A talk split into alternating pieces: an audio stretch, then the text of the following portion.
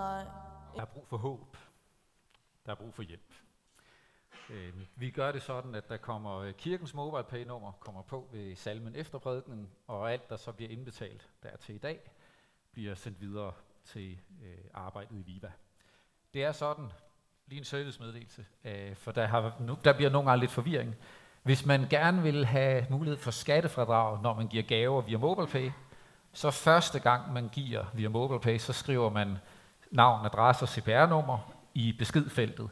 Så bliver det registreret, og når der så efterfølgende kommer gaver fra det telefonnummer over MobilePay, eller det kontonummer, så er vores system sådan, at det bliver registreret, at det er for dig, og så tæller det med i det, der går til skatteoplysningerne i det nye år.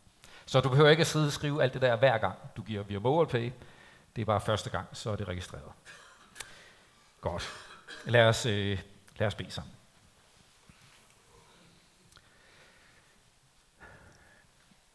Almægtige Gud, du som er håbets Gud. Du ved, hvor vi kan møde det håbløse i vores hverdag. Du ser også den afmagtsfølelse, der kan snige sig ind, når vi ser, hvor vanskelig en situation det er for de her børn i Nicaragua. Og samtidig glæden ved at se, at der er kirker, som rejser sig og forsøger, kæmper, holder ud, for at forsøge at skabe både håb og virke for forvandling af et lokalt samfund og et land. Tak, at vi må være med til at give håb og give hjælp. Men jeg beder også om, at vi selv må være modtagelige i dag. Modtagelige for det håb, du bringer, så vi lukker dig indenfor og giver plads. Amen.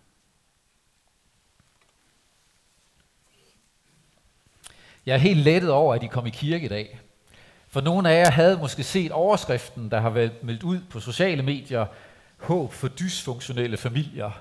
Jeg tænkte, jeg vide, hvor mange der så tør komme. Men man kan selvfølgelig sige, at det er for at have noget at gå hjem til naboen med. Virkeligheden er jo, at det er vi jo alle sammen i en eller anden grad. Ikke så vi går ind under den der måske lidt sådan terapeutiske, kliniske betegnelse, men hvem har det fuldt funktionelle hjem? Ikke os, i hvert fald. Vi er vel nok på sådan en skala, ikke? om man synes, tingene fungerer eller ej. Men det dysfunktionelle, der hvor det bliver slemt, det, det, er jo, det er jo udtryk for, at der er relationer, som skulle være til liv.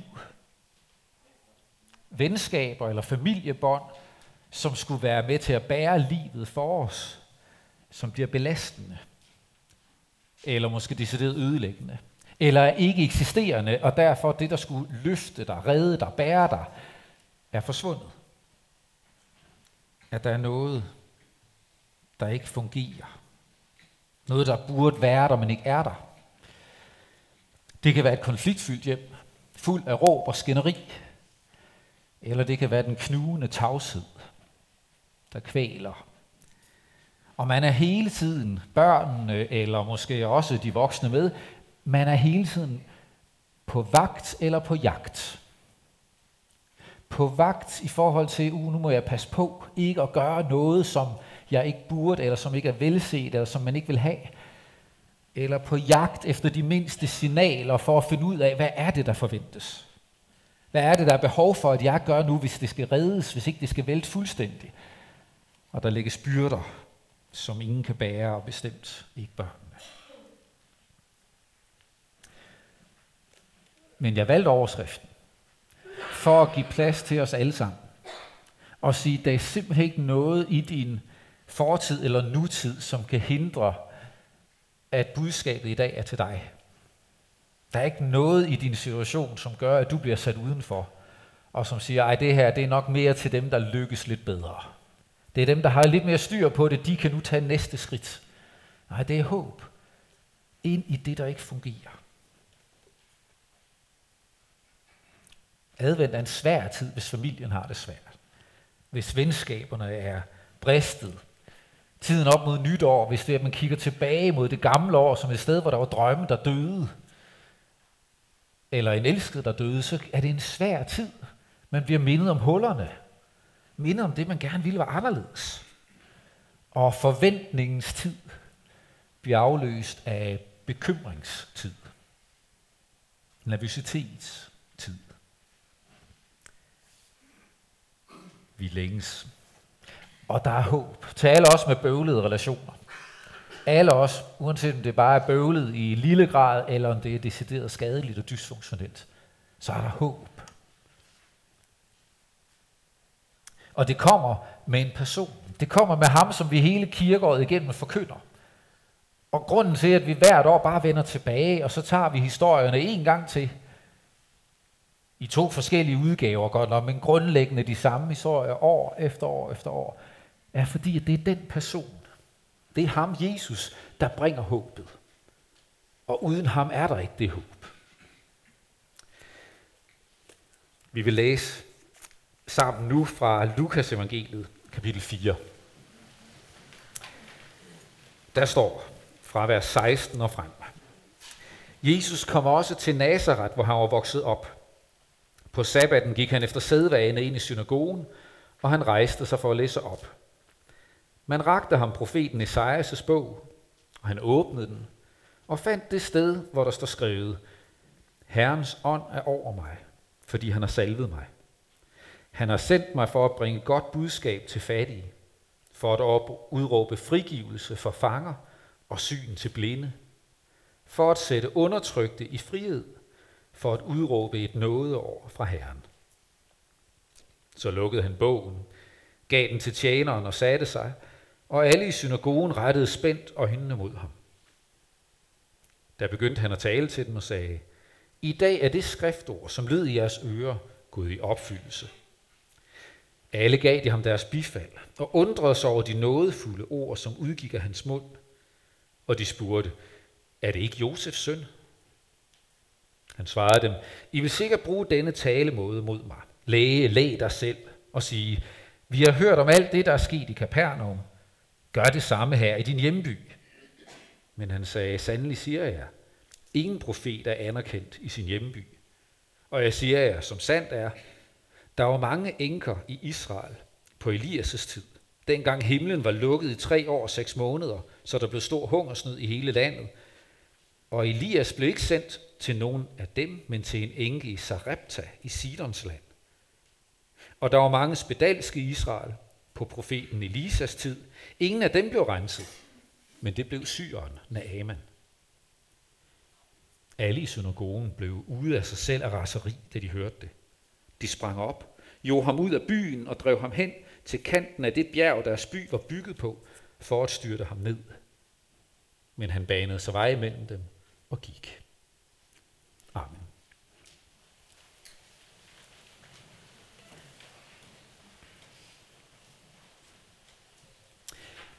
Vejen gennem prædikenen i dag fører os for det første ind i et indblik i tekstens univers. Hvad er det lige, der er på spil?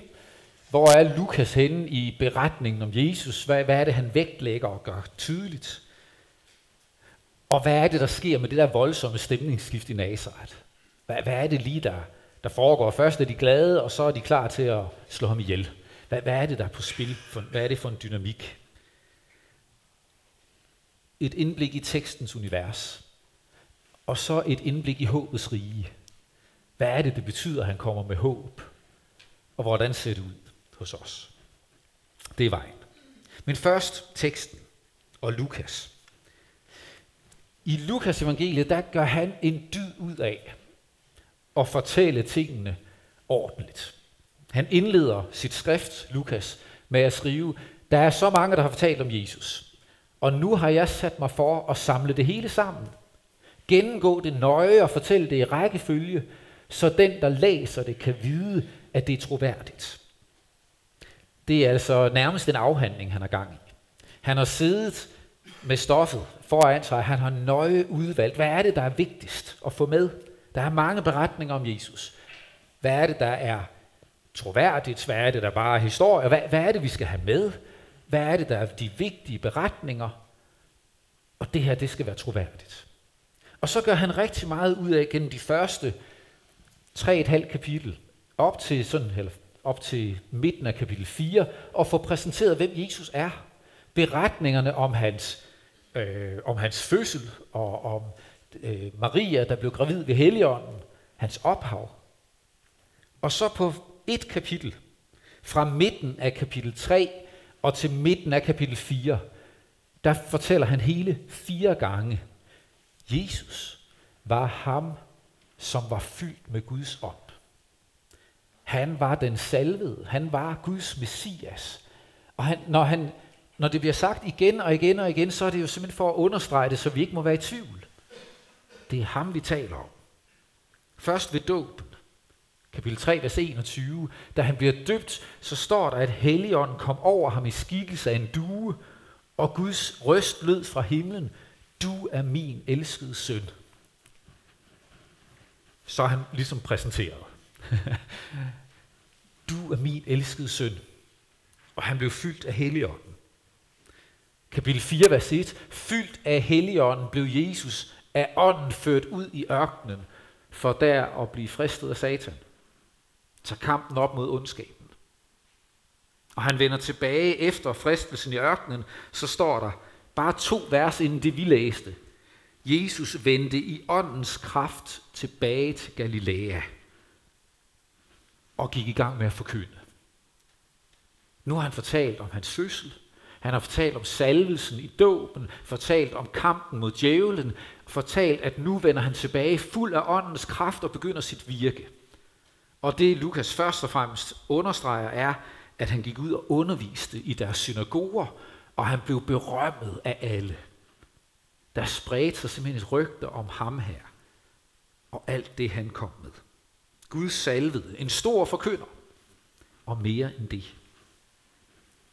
Markus evangeliet siger igen og igen, at Guds rige er kommet nær. Himmeriget er kommet nær, siger Matthæus. Lukas siger, ham der bringer Guds rige er kommet nær. Kongen er kommet nær. Guds søn er kommet nær. Ham der bringer riget. Fuld af ånden. Og nu kommer han hjem.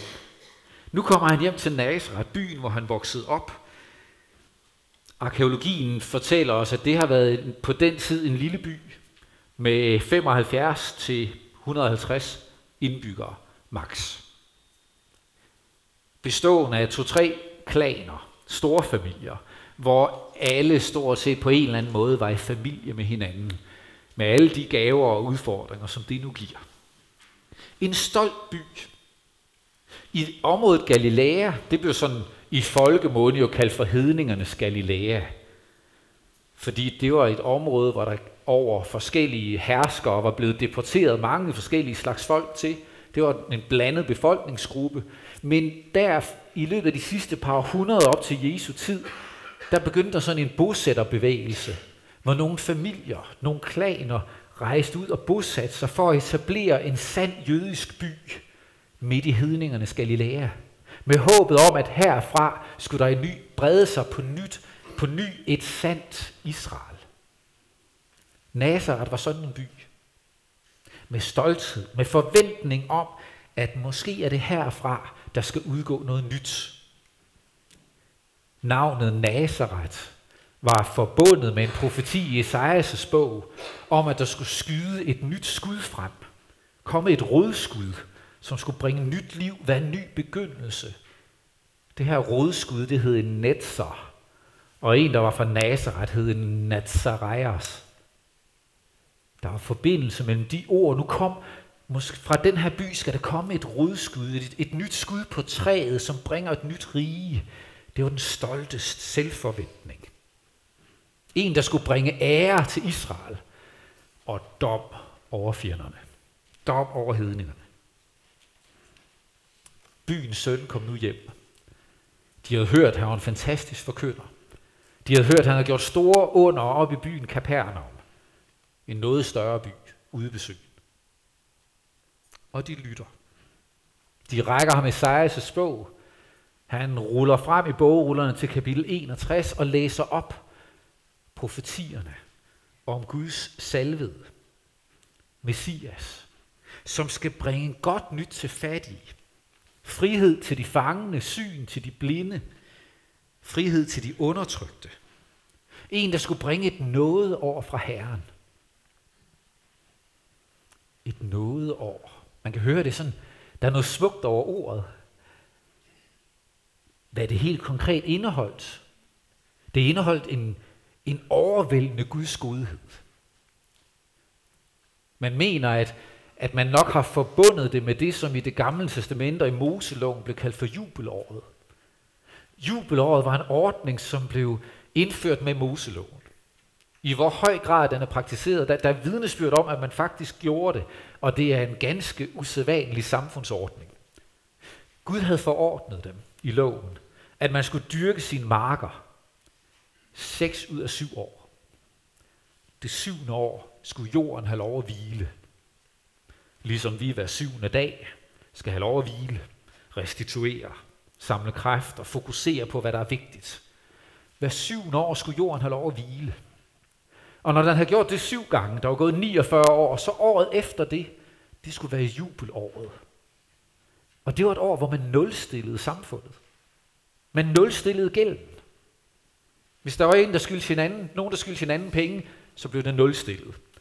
Var der nogen, der havde været nødt til at pansætte deres jord og gøre sig selv til slaver, så blev det nulstillet. De blev sat fri, for Israels folk skulle være en helhed, og jorden skulle være i stammernes ejendom, familiernes ejendom. Man nulstillede samfundet. En smuk idé. Jeg ved ikke helt, hvordan vi skulle gennemføre det i vores tid, men, men, men det er der, det der jubelår, det spiller på, og der vågner jo en forventning, en, en nulstilling fra Guds side. Gud, der nu gør op med alt det, som er galt, alt det, som forgælder os, alt det, som holder os fangende, alt det, som spærrer livet ene. Nu lover han os et noget over. En nulstilling. De begynder med begejstring. Og så er det, det vender. Er det ikke Josefs søn? Om der var en hån i det, det ved jeg ikke. Altså, fordi Josef og Maria har vel sagt gentagende gange, at jeg, altså, jo, jeg er far for ham, men, for ham, men jeg er egentlig ikke far til ham, eller, eller holdt de mund med det, det ved vi jo ikke. Er det ikke Josefs søn? Var de vrede over? Jo, måske var de vrede over, at i Esajas 61, der bliver det lovet, at Messias kommer med et noget over fra Herren, og et, en hævndag fra vor Gud. Altså et noget over til os, og hævn over de andre. At ikke nok med, at vi får nulstillet, men vi får også gjort gengæld. En hævndag over fjenderne. Senere i det samme kapitel i Isaias' bog, der fører det videre og siger, I skal leve af de fremmedes ejendom. I skal tage deres skatte og leve af dem. Det er dem, der skal være jeres hyrder og daglejere. Altså det er jer, der bliver herrefolket efter at have været undertrykt. Og det sagde han ikke noget om. Han talte kun om noget.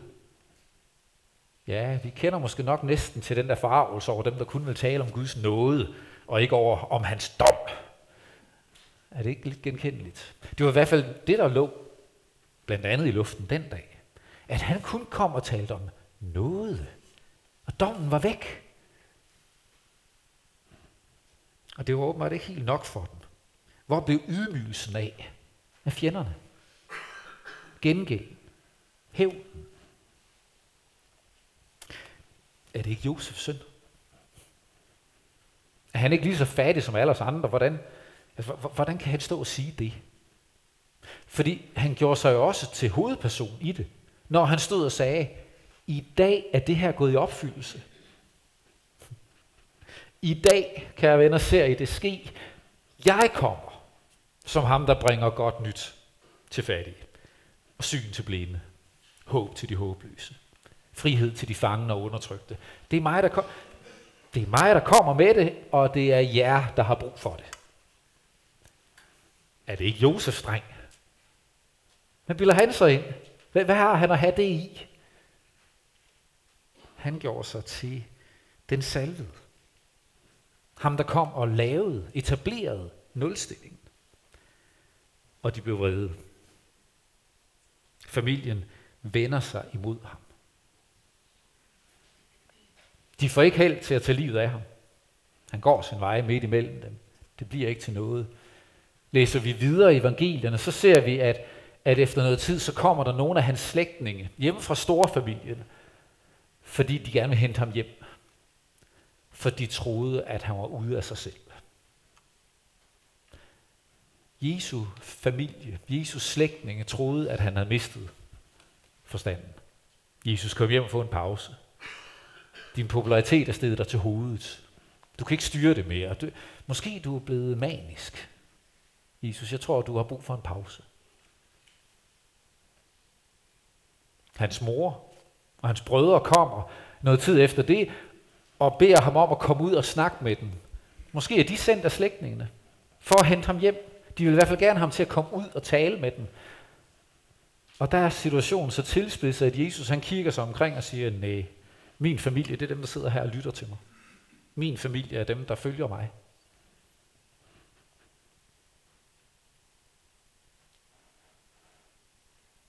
Det har ikke været, øh, det har ikke været nogen nem familie.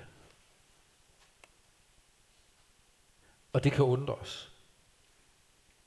Jeg har ikke øh, ofte tænkt på Jesus som en, der havde familiære udfordringer. Hvis brødre stod og tvivlede på ham og sagde, Jesus kom nu hjem. Hold nu op. Drop det. Opgiv. Slut. Så tilspidse sin situation, at han da ikke vil gå ud og tale med dem.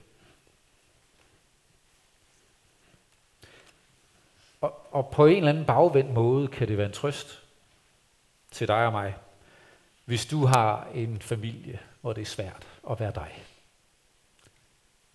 En familie, hvor kommunikationen er gået i stykker.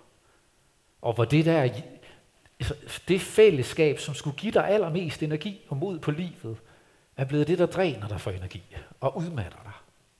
Et sted, hvor du hele tiden er på vagt eller på jagt for at finde ud af, hvordan du dog skal gøre det. Der er ingen i den her verden, du heller vil have det godt og trygt med, end dem, og det virker ikke. Og man kan blive helt modløs af det. Og så står Jesus der nu og ser dig i øjnene og siger, jeg kender det godt. Jeg ved det godt. Jeg har selv været der. Jeg ved, hvor udmattende det er. Jeg ved, hvor svært det er at blive i det, som er mig selv, og stå ved mig selv, når det er så svært. Jeg kender det godt. Hold ud. Jeg kender det godt. Og Bibelen er fuld af de beretninger. Bare en enkelt af dem. Vi, vi elsker ofte historien om David, der går ud og fælder kæmpen Goliat. Det er en fantastisk historie. Det vi nogle gange overser, det er, at da David har sagt, nu går jeg ud og tager kampen op mod kæmpen, så den første, der møder ham, det er hans storebror. Det er Eliab. Og storebror Eliab går ikke hen og opmuntrer David og siger, du skal nok klare den, min venner. Gør det nu godt, og har du lagt mærke til, at han er svag der, hvis du rammer ham lige i panden. Der, altså, nej, ingen opmuntring. Tværtimod, han går hen til ham og siger, skulle du ikke tage os mod hjem til den lille forflok ude i ørkenen? Lad nu mændene kæmpe kampen, lillebror. Jeg ved godt, du er bare fræk, og ondskabsfuld. Du er bare kommet for at kigge på og lade som om, at du kan noget. Smut hjem til dine små får. Og, og skønne David, som jo er en mand efter Guds hjerte, og berømt for sit mod og sin storhed og sin visdom i salmerne. Og han svarer som en ægte lillebror, hvad har jeg nu gjort? Jeg spurgte jo bare.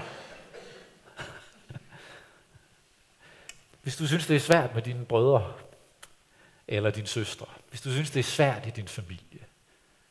Bibelen tør godt stå ved, at det er sådan, det er. Kristentroen tør godt, tør godt stå ved det. At vi har steder, hvor vi kæmper.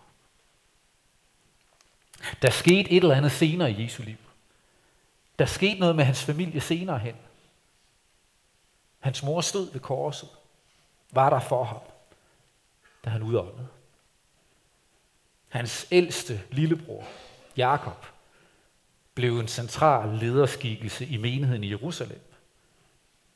Han endte altså på en eller anden måde, blev Jakob en troende, som anerkendte, min storebror var meget mere end min storebror. Han var Guds salvede, Guds søn. Der skete noget i den familie. Og der kan ske noget ind i vores. For Gud er håbets Gud. Han er håbets Gud. Han kender til brudte, smertelige relationer, og han kommer med håb. Præcis derfor. Kommer med et nådeår, med Guds frelse til fortabte. Og så er hemmeligheden jo bare, at det kun er, hvis du har fortabt, at du har glæde af en frelser.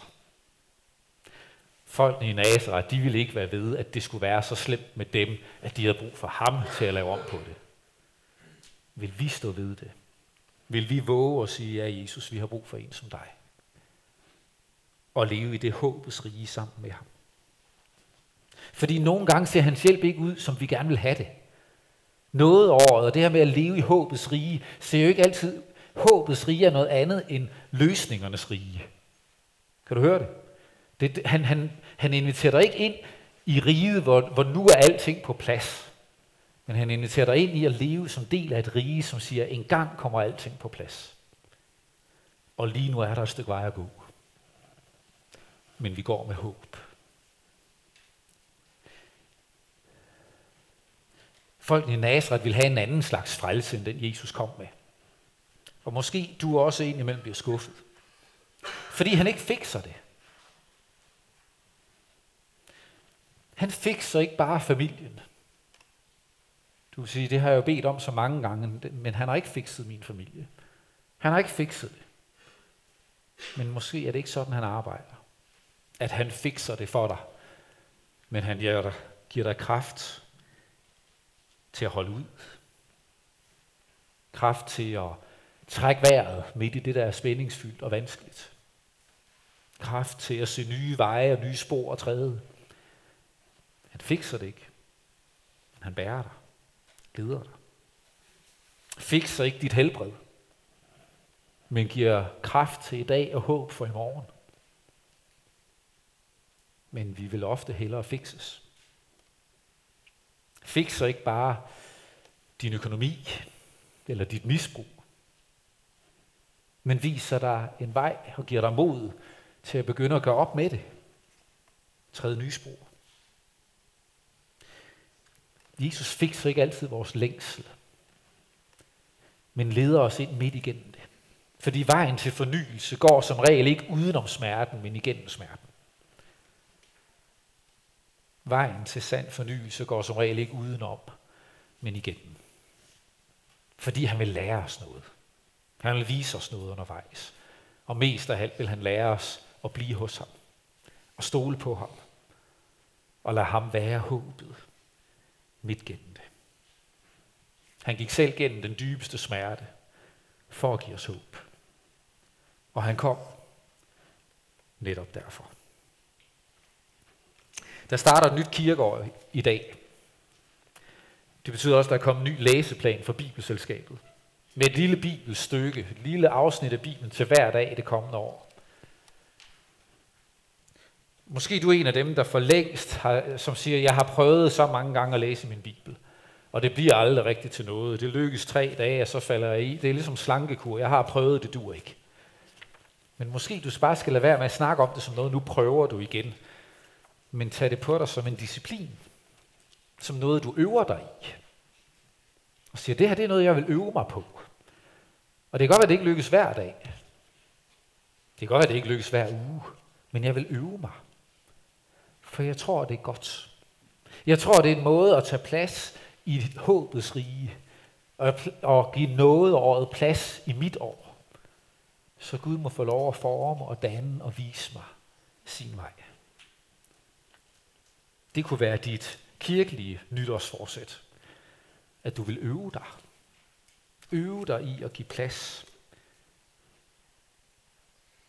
Ja. Lad os bede sammen.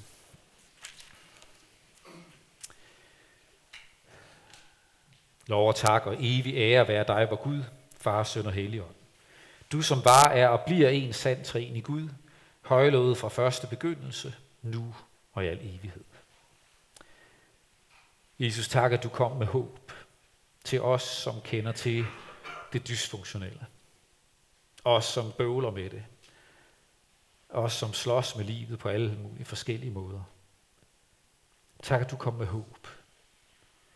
Giv os at ånde frit Giv os at få øje på alt, hvad vi har at være taknemmelige over, så vi får lov at leve i en taksigelse til dig, også selvom det bøvler og er svært. Fyld os med din ånd, og lad os leve i dit nådeår. Ja, far i himlen, vi beder dig for kirken, både her hos os, men også ud over vores by, vores land og vores verden. Lad din kærlighed præge os, så vi lever som ambassadører for dit rige. Og hvad er hos din kirke, særligt hvor den er fuldt eller ramt af forfølgelse og trængsel, lad dit ord og din ånd være til styrke og trøst. Og vi beder for vores land, beder om velsignelse over kongehuset, beder om, at du vil være nær hos alle med magt og ansvar betroet, så de må være et værn mod uret og til hjælp for os alle. Vi beder for vores by, vores byråd, vores borgmester Torben Hansen, beder for børn og unge, daginstitutioner og skoler, beder for familier og hjem i vores by. Velsign og bevar enhver, som venter et barn. Beskyt både dem og det ufødte barn, de bærer på. Men er hos dem, som sidder med sorg og savn, fordi de har mistet. Alle, som lider med under sygdom, på læge eller sjæl, kæmper med anfægtelser eller manglende livslyst. Kom til os med din kærlighedskraft, også når vi kæmper med brudte og bøvlede relationer eller et slidt ægteskab. Hjælp os til at tage vare på det skaberværk, du har betroet os, og tage vare på dem, du har sat os imellem. Hør os, når vi nu hver især i stillhed beder for dem, du i dag minder os om.